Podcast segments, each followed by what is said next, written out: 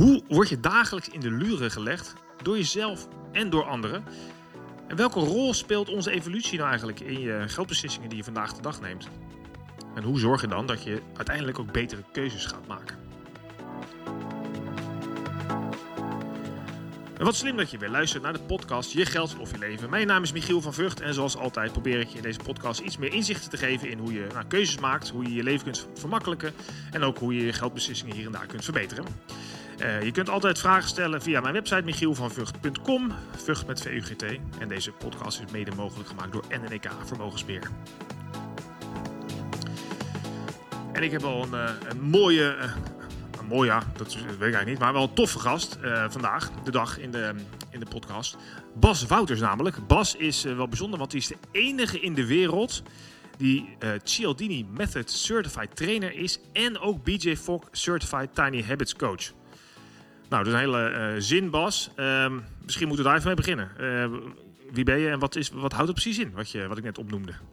Yes, Michiel, leuk om uh, hier te zijn. Um, ja, wat zijn die twee titels? Um, Cialdini met het Certified Trainer, daar zijn er twintig van ter wereld.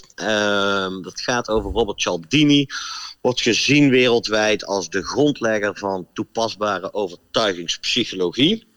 Hij is bijvoorbeeld verantwoordelijk geweest voor de verkiezingscampagnes van uh, Barack Obama in 2008 en 2012. En heeft uh, veel uh, grote onderzoeken achter zijn naam staan. Hij is ook de meest geciteerde gedragswetenschapper op aarde.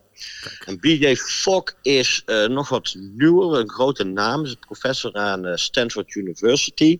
En hij heeft het behavioral model ontwikkeld. En dat verklaart hoe gedrag tot stand komt. En BJ Fogg heeft aan kinderschoenen van Instagram meegewerkt. Dat was natuurlijk ook ah. een aardig succes. Ja, uh, wel, ja. Van op, oprichting en een jaar later voor een miljard aan Facebook verkopen. Dat is netjes, hè? Ja. Maar, had hij, had dus, aandelen, denk je, of niet? Nee, ja, ja, ja, ja, hij had geen aandelen. Maar oh. hij heeft nu wel een mooie villa op, uh, op Hawaii. Dus ik, ik kan niet op zijn rekening kijken. maar volgens mij is, is het ergens goed gekomen, ja. Roy, en jij combineert dus die twee. Want dan ben je de enige in de wereld die, die beide um, certificaten heeft, zeg maar, of die, die certified is. Dus dan kun je zowel de, de, uh, het gedrag als ook de beïnvloeding daartoe kun jij, uh, nou, daar consult je bedrijven mee. Hè? Of je wordt ingehuurd om daar ook te helpen om betere keuzes of beslisbomen of nou, hoe noem het maar in te richten. Exact, ja. En dat kan op uh, heel divers gebied. Dat kan natuurlijk intern met werknemers die een bepaald gedrag willen vertonen. Het kan vanuit overheden die de maatschappij tot een bepaald gedrag willen wil laten leiden. Ik bedoel, nu hebben we in deze tijd uh, de mondkapjes bijvoorbeeld. Ja. Dat mensen ze wel opzetten. Um, en het kan natuurlijk ook uh, richting commercieel veld gaan. Exact. Nou, we hebben er genoeg over te kletsen, maar uh, laten we dus even beginnen. Want we dit is een beetje de. We hadden ook uh, in het vorige gesprek wat over geld en zo en hoe dat dan zit. Je had allemaal aardige voorbeelden. Vanuit jouw ervaring en ook je, nou ja, alles wat je waar net omschrijft, kun je eens een voorbeeld geven hoe wij als mensen beïnvloed worden, um, gewoon in het dagelijks leven misschien, als het om, om keuzes maakt hoe we ons geld uitgeven of juist niet. Heb je daar eens een voorbeeld van? Ja, ik heb er ontzettend veel voorbeelden van. Wellicht een leuk eerste voorbeeld is een heel bekende van een onderzoeker Dan Ariely. Is ook een hoogleraar uh, aan een universiteit. Ja. En hij zag een advertentie van The Economist. Een groot, uh, groot blad. En daar stond op, je kunt een webabonnement nemen bij ons voor 59 dollar. Je kunt een printversie nemen voor 125 dollar. En je kunt de print en web nemen voor 125 dollar. Ja. Toen heeft hij die Economist benaderd van... waarom hebben jullie een optie die waarschijnlijk niemand zal kiezen? En tot zijn verbazing, na drie dagen kreeg je geen antwoord... maar de advertentie was wel weg. Oh. En hij wilde eigenlijk een onderzoek doen. Dus wat heeft hij gedaan? Hij heeft het zelf onderzocht. Hij heeft 100 studenten van hem gevraagd... welke optie zou je kiezen? En toen koos 16% voor de webversie... en dus 84% koos voor de print- en webversie van 125. En niemand koos voor alleen print, alleen print nee. voor 125. Dat is ook prettig, want dan weet je in ieder geval dat iedereen nog kan rekenen. Ja, precies. alleen, toen dacht, toen dacht hij, waarom moet er een optie bij staan die niemand kiest? Maar op het moment dat hij die optie weghaalde, koos, toen stond er dus web 59, print en web 125, koos 68% voor web en nog maar 32% print en web. Dus de optie die er eigenlijk niet toe deed, liet ons inzien wat we eigenlijk wilden hebben. Ja, ja. En zo worden we dus beïnvloed in het maken van keuzes. Dit is een voorbeeld van contrast. Doordat die optie van print 125 erbij stond, leek print en web een geweldige deal en kozen we daar dus vaker voor. Ja, ja, en dat, is- dat, eigenlijk alleen te maken dat, dat je dacht, ja, die andere optie alleen print is. eh, eh, of die andere, die, die print en web is verreweg superieur, uiteraard ten opzichte van alleen print. Dus daarmee ziet het er veel beter uit, dus die kies je dan. Dus dat, dan, Exact. en dat gebeurt En- dus. Gebeurt in ons dagelijks leven waarschijnlijk, wordt dat dus onbewust. Want je, je, je scant over zo'n advertentie heen en je denkt, oh nou, dit is logisch. Dit, dat rationaliseer je waarschijnlijk niet eens. Dat, dat doe je gewoon. Exact, en dat eh, noem je al een punt. Eh 2002 is aangetoond door eh, Nobelprijswinnaar Daniel Kahneman dat wij destijds ongeveer 90% van onze keuzes met wat hij systeem 1 noemt, ons onbewuste brein maken. Ja. En voorheen oude economische regels waren dat wij heel rationele wezens waren en al onze keuzes goed overwegen. En hij toont dus met een Nobelprijswinnend onderzoek aan dat het totaal niet zo is. Vandaag de dag wordt zelfs gezegd dat we al bijna 95% van al onze keuzes onbewust maken. En dat komt omdat we zoveel informatie te verwerken krijgen op een dag dat wij ook gewoon ook niet meer kunnen doordenken. Nee, precies. Het wordt gewoon te, eh, te vol in je hoofd eigenlijk. Hè. Dat kan, ik Ja, wel voorbeeld gehoord. Eigenlijk dat daarmee kiest de mens gewoon het liefst een olifantenpaadje. Dus je Ja, kent gewoon... ja, ja. Nee, wat, wat er gebeurt, dat is een andere term in de psychologie, gedrag, satisficing. En satisficing houdt in, je kiest niet meer voor de beste optie, maar je kiest voor de optie die op dat moment voldoende bevrediging geeft. Ah. En dat gebeurt er steeds meer. Nou, dat is natuurlijk ook, is dat niet ook wat je dus ziet in al die social media? Dat je maar je dopamine rush blijft krijgen om, eh, op likes en zo. Is dat, is dat vergelijkbaar daarin? Exact, ja, dat heeft daar ook helemaal mee te maken. Klopt inderdaad. Grappig voorbeeld, hè, want dan zeggen mensen wel eens tegen mij: Ja, Bas, dat is in Amerika, dat doen ze dat. Maar Victor Mits, kennen we natuurlijk allemaal van het tv-programma. En ja, mindfuck is die van. Ja. Mindfuck, ja. En eh, hij is natuurlijk vingervlug met zijn trucs, maar hij gebruikt ook mega veel gedragspsychologie. En hij heeft datzelfde onderzoek ongeveer gekopieerd. En hij ging op een kraampje staan, dan ging hij koffie verkopen en donuts. En een koffie kost een euro, en een, oh sorry, en een, geen donut, een muffin. Koffie en een muffin kostte 4 euro. De meeste mensen kochten koffie. Toen zette hij er een bordje bij, een muffin kost 3,95. En toen kocht dus iedereen koffie en een muffin. Ja, bizar hè. Bizar, Dus ja. ook, ook wij Nederlanders zijn hier uitermate gevoelig voor. En zo word je dus dagelijks eh, in, je, in, je, in het leven beïnvloed door allerlei omstandigheden. En eh, nou, dat heeft natuurlijk heel veel invloed uiteindelijk ook op als je daar... Kijk, dit zijn kleine voorbeelden. Hè. Dit is dan... eh, nou, Dan heb je iets minder... ja, dan geef je, koop je misschien een muffin die je eigenlijk niet nodig hebt. Maar uiteindelijk, als je dit... ja, dit kan ook invloed hebben. Als je op grote bedragen gebeurt het misschien ook wel. En dat is natuurlijk goed om bewust te zijn dat dit dus speelt. Denk ik. Dat is misschien wel het Nou, het belangrijkste. is grote bedragen, want dan zeggen mensen, ja, maar voor grote aankopen, dan ben ik er wel heel bewust bij. Dan geef ik wel eens het voorbeeld. Nou, stel zelfs een huis, dat is wellicht het grootste aankoop voor de meeste mensen die ze doen, Ja. kopen heel veel mensen onbewust. Want wat krijg je? Je begint heel rationeel. Je gaat bijvoorbeeld naar Funda en ik wil daar ongeveer wonen, zoveel slaapkamers, eh et cetera, et cetera. En dan ga je huizen kijken. En dan hoor je heel vaak, ja, het was eigenlijk net te duur, maar ik moest het wel kopen, want ik was zo verliefd op de woning. Ja, ja. Daar zit weinig ratio achter, Ja, zeg maar. precies. Ja. ja.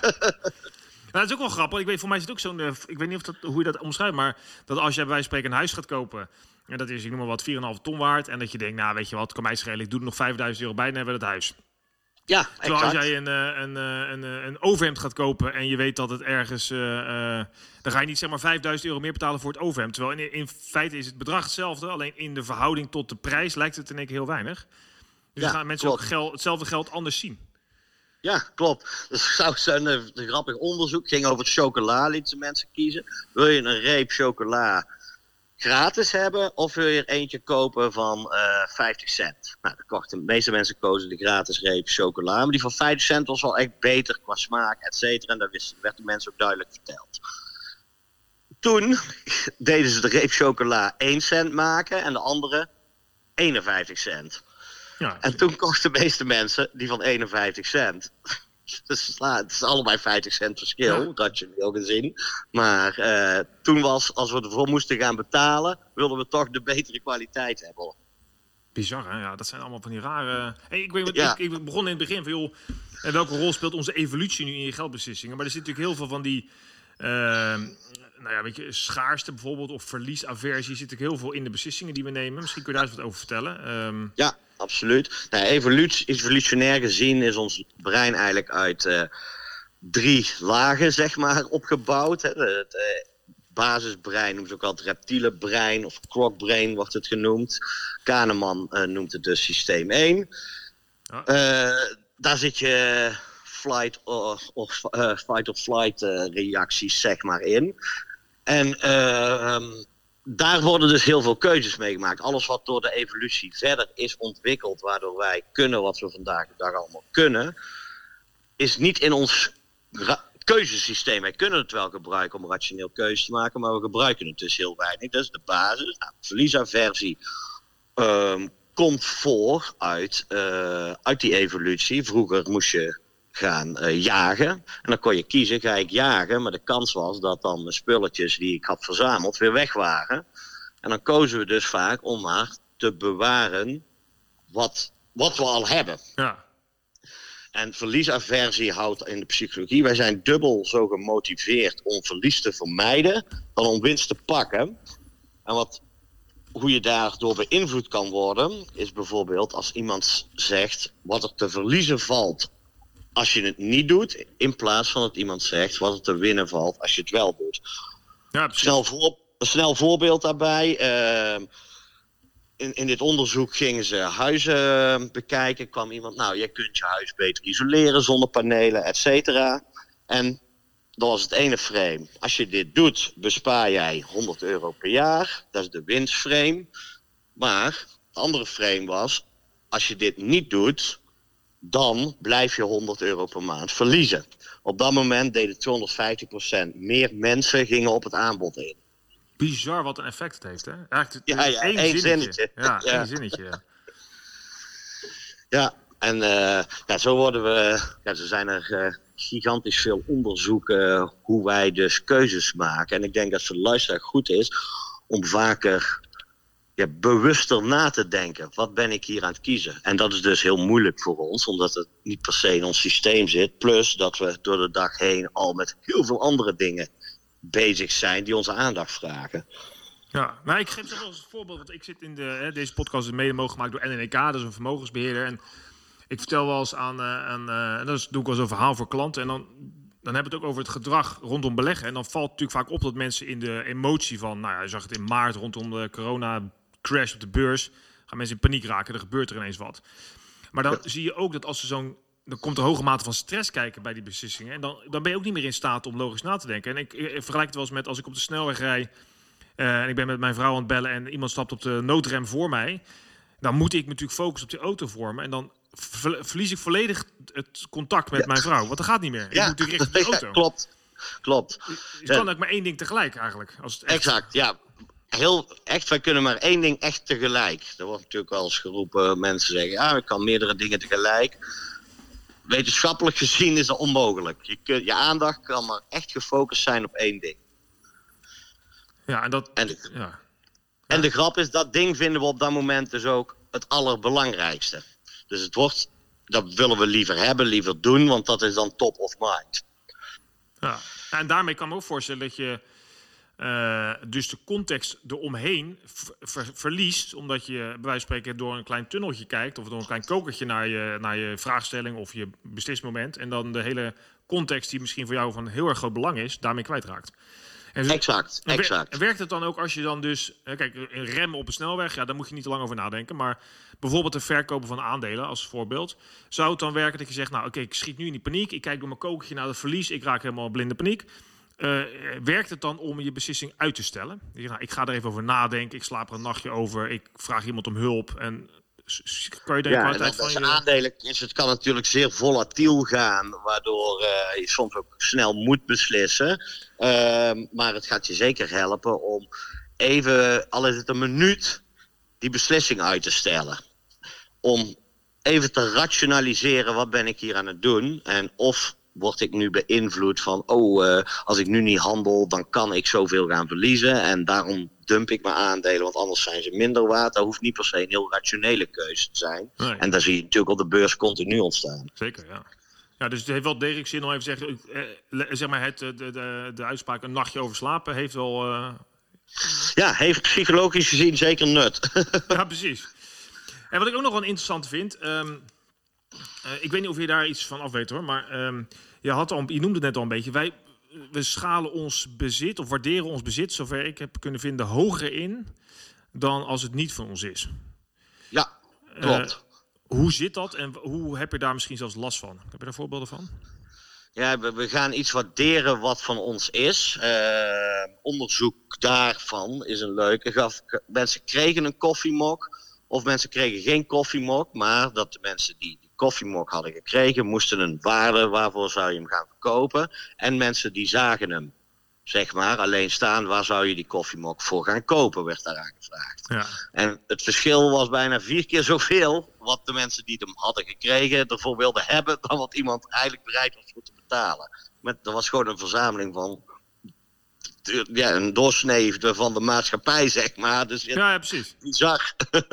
dus dat klopt helemaal. We waarderen meer wat we hebben dan wat we kunnen krijgen. Ik had het nu van de week toevallig op Marktplaats. We hebben een uh, tuintafel verkocht op Marktplaats. Die was natuurlijk, weet ik veel, heel de set, ik noem maar wat, 500 euro ooit.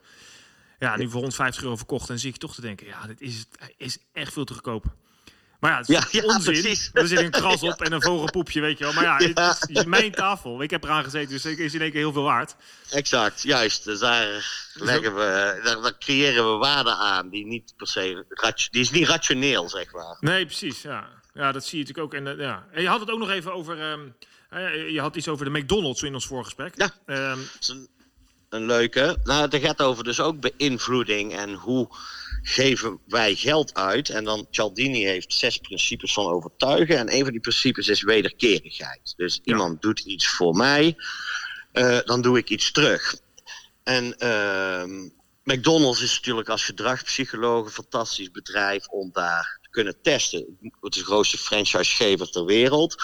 Echter is het ook meteen moeilijk, want uh, de meeste McDonald's-eigenaren die hebben één tot vier uh, restaurants gemiddeld. Behalve in Zuid-Amerika, daar heb je de Argus Holding en die controleert door heel Zuid-Amerika 2800 McDonald's-restaurants. Ja. En daar mochten we voor aan de slag.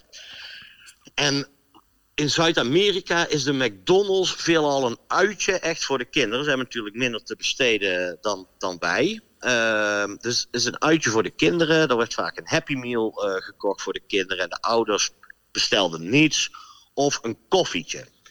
En toen gingen we dat analyseren. En in Zuid-Amerika gebeurde hetzelfde als hier in Nederland. Namelijk, als de kindjes de Happy Meal op hebben, krijgen ze van de McDonald's nog iets. En ik weet niet of je kleine kinderen hebt, maar anders weet je wat, wat er nog gegeven wordt. Heb je een idee, Michiel? Ja, het is een opgeblazen stuk plastic, hè? Ja, ja, ja, ja een ballon krijgen ze. Ja. ja, precies. Wederkerigheid zegt, je moet eerst geven. Wat gebeurt er psychologisch?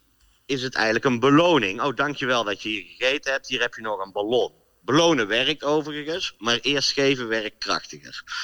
Hebben we, iets in, hebben in 200 restaurants getest. Als, dat, als we dat weten, moet die ballon gegeven worden. Niet na het eten, maar bij binnenkomst. De, de, hypothese die we aannamen was: als de kinderen die ballon bij binnenkomst krijgen, gaan de ouders meer spenderen. En de koffie die meten we. En hoe werkt dat dan? Dat is een ander principe van Cialdini. Dat heet unity of eenheid. Eigenlijk leg je de druk van terugbetalen bij de kinderen. Maar die kunnen niet terugbetalen, dus die druk gaat daardoor over, want het is één gezin, naar de ouders. Dat was onze aanname. En die bleek vrij correct te zijn, want de koffieverkoop steeg in 200 McDonald's restaurants met 144 procent. Wow.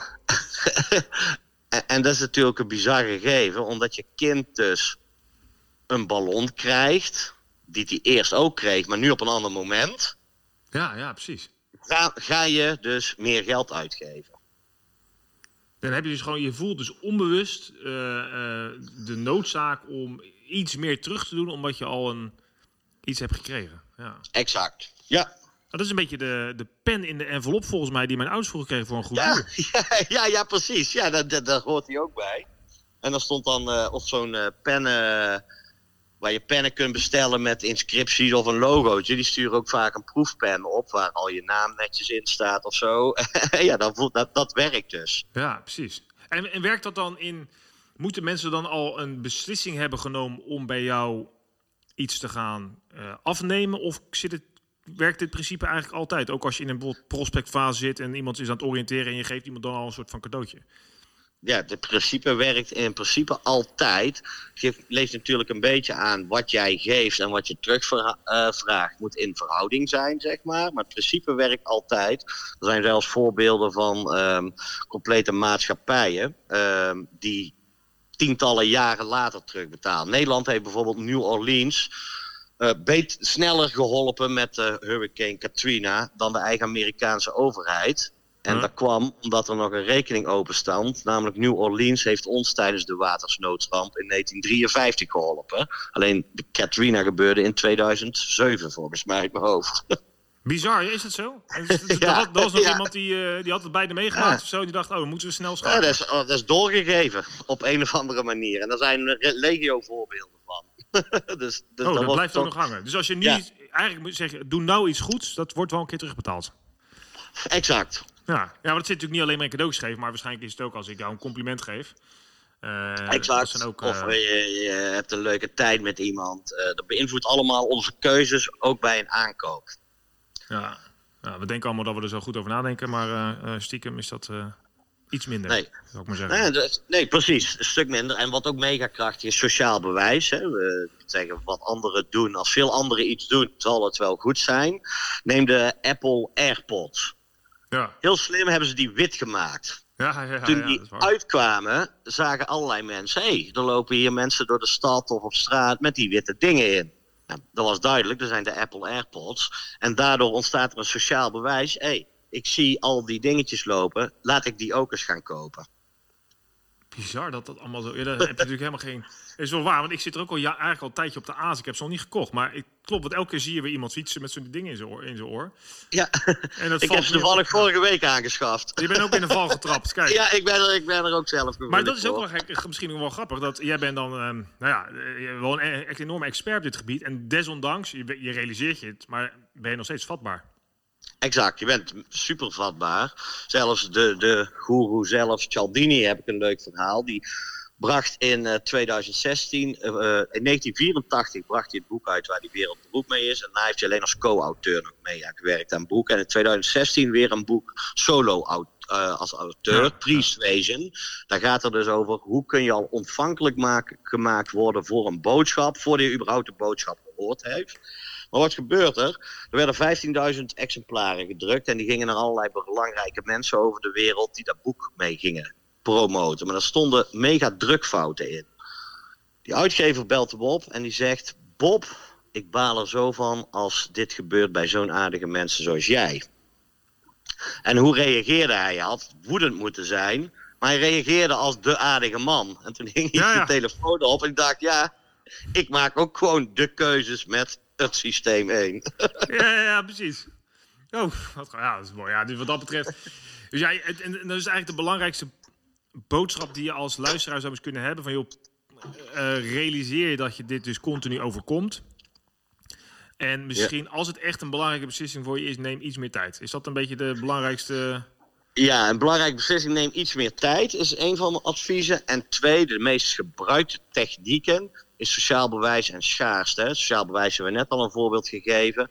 En dan zie je ook reviews, et cetera. Ja. Eh, lees ze wel, alleen laat je het eigen niet meteen in de modus brengen. Daar, kun je, daar moet je je bewust van zijn. Als iedereen anders het goed vindt, wil niet zeggen dat jij het moet kopen.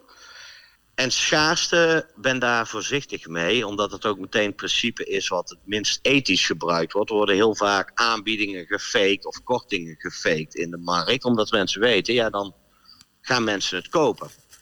Ja, Ehm, dus die twee zou ik als tip mee willen geven aan de luisteraar. Als je daar al bewuster van die twee beïnvloedingsprincipes bent, ga je sneller betere keuzes maken. Oké, dus uh, sociaal bewijs uh, wel lezen, maar even de tijd voor nemen. En schaarste kritisch afvragen of je het wel echt nodig hebt en of het wel echt zo is. Exact. Ja. Oké, nou we zijn al uh, in de buurt van de, mm, van de, van de einde. Maar ik heb nog één ding, misschien heb je, er ook, ben je daar, heb je er nog iets over. Het schiet me net binnen. Kijk, wij, waar ik uh, werk, zijn ook heel erg bezig om mensen bewust te maken van hun toekomst. Misschien is het toch verstandig om wat te doen voor je pensioen of zo. En dan zie je mensen van 30 die denken, ja, pensioen, weet ik veel, uh, lammer. Is er nog iets, is dat ook te verklaren of zo? Dat, dingen die je voor jezelf in de toekomst zou moeten doen, die eigenlijk heel slim zijn, dat we het allemaal uitstellen. Is dat te verklaren en kun je er iets aan doen nog? Ja, uh, het is te verklaren, want uh, we, in ons systeem zit dat we veel liever direct gewin hebben dan gewin over 20, 30 jaar. Dus daar, daar is de verklaring mee.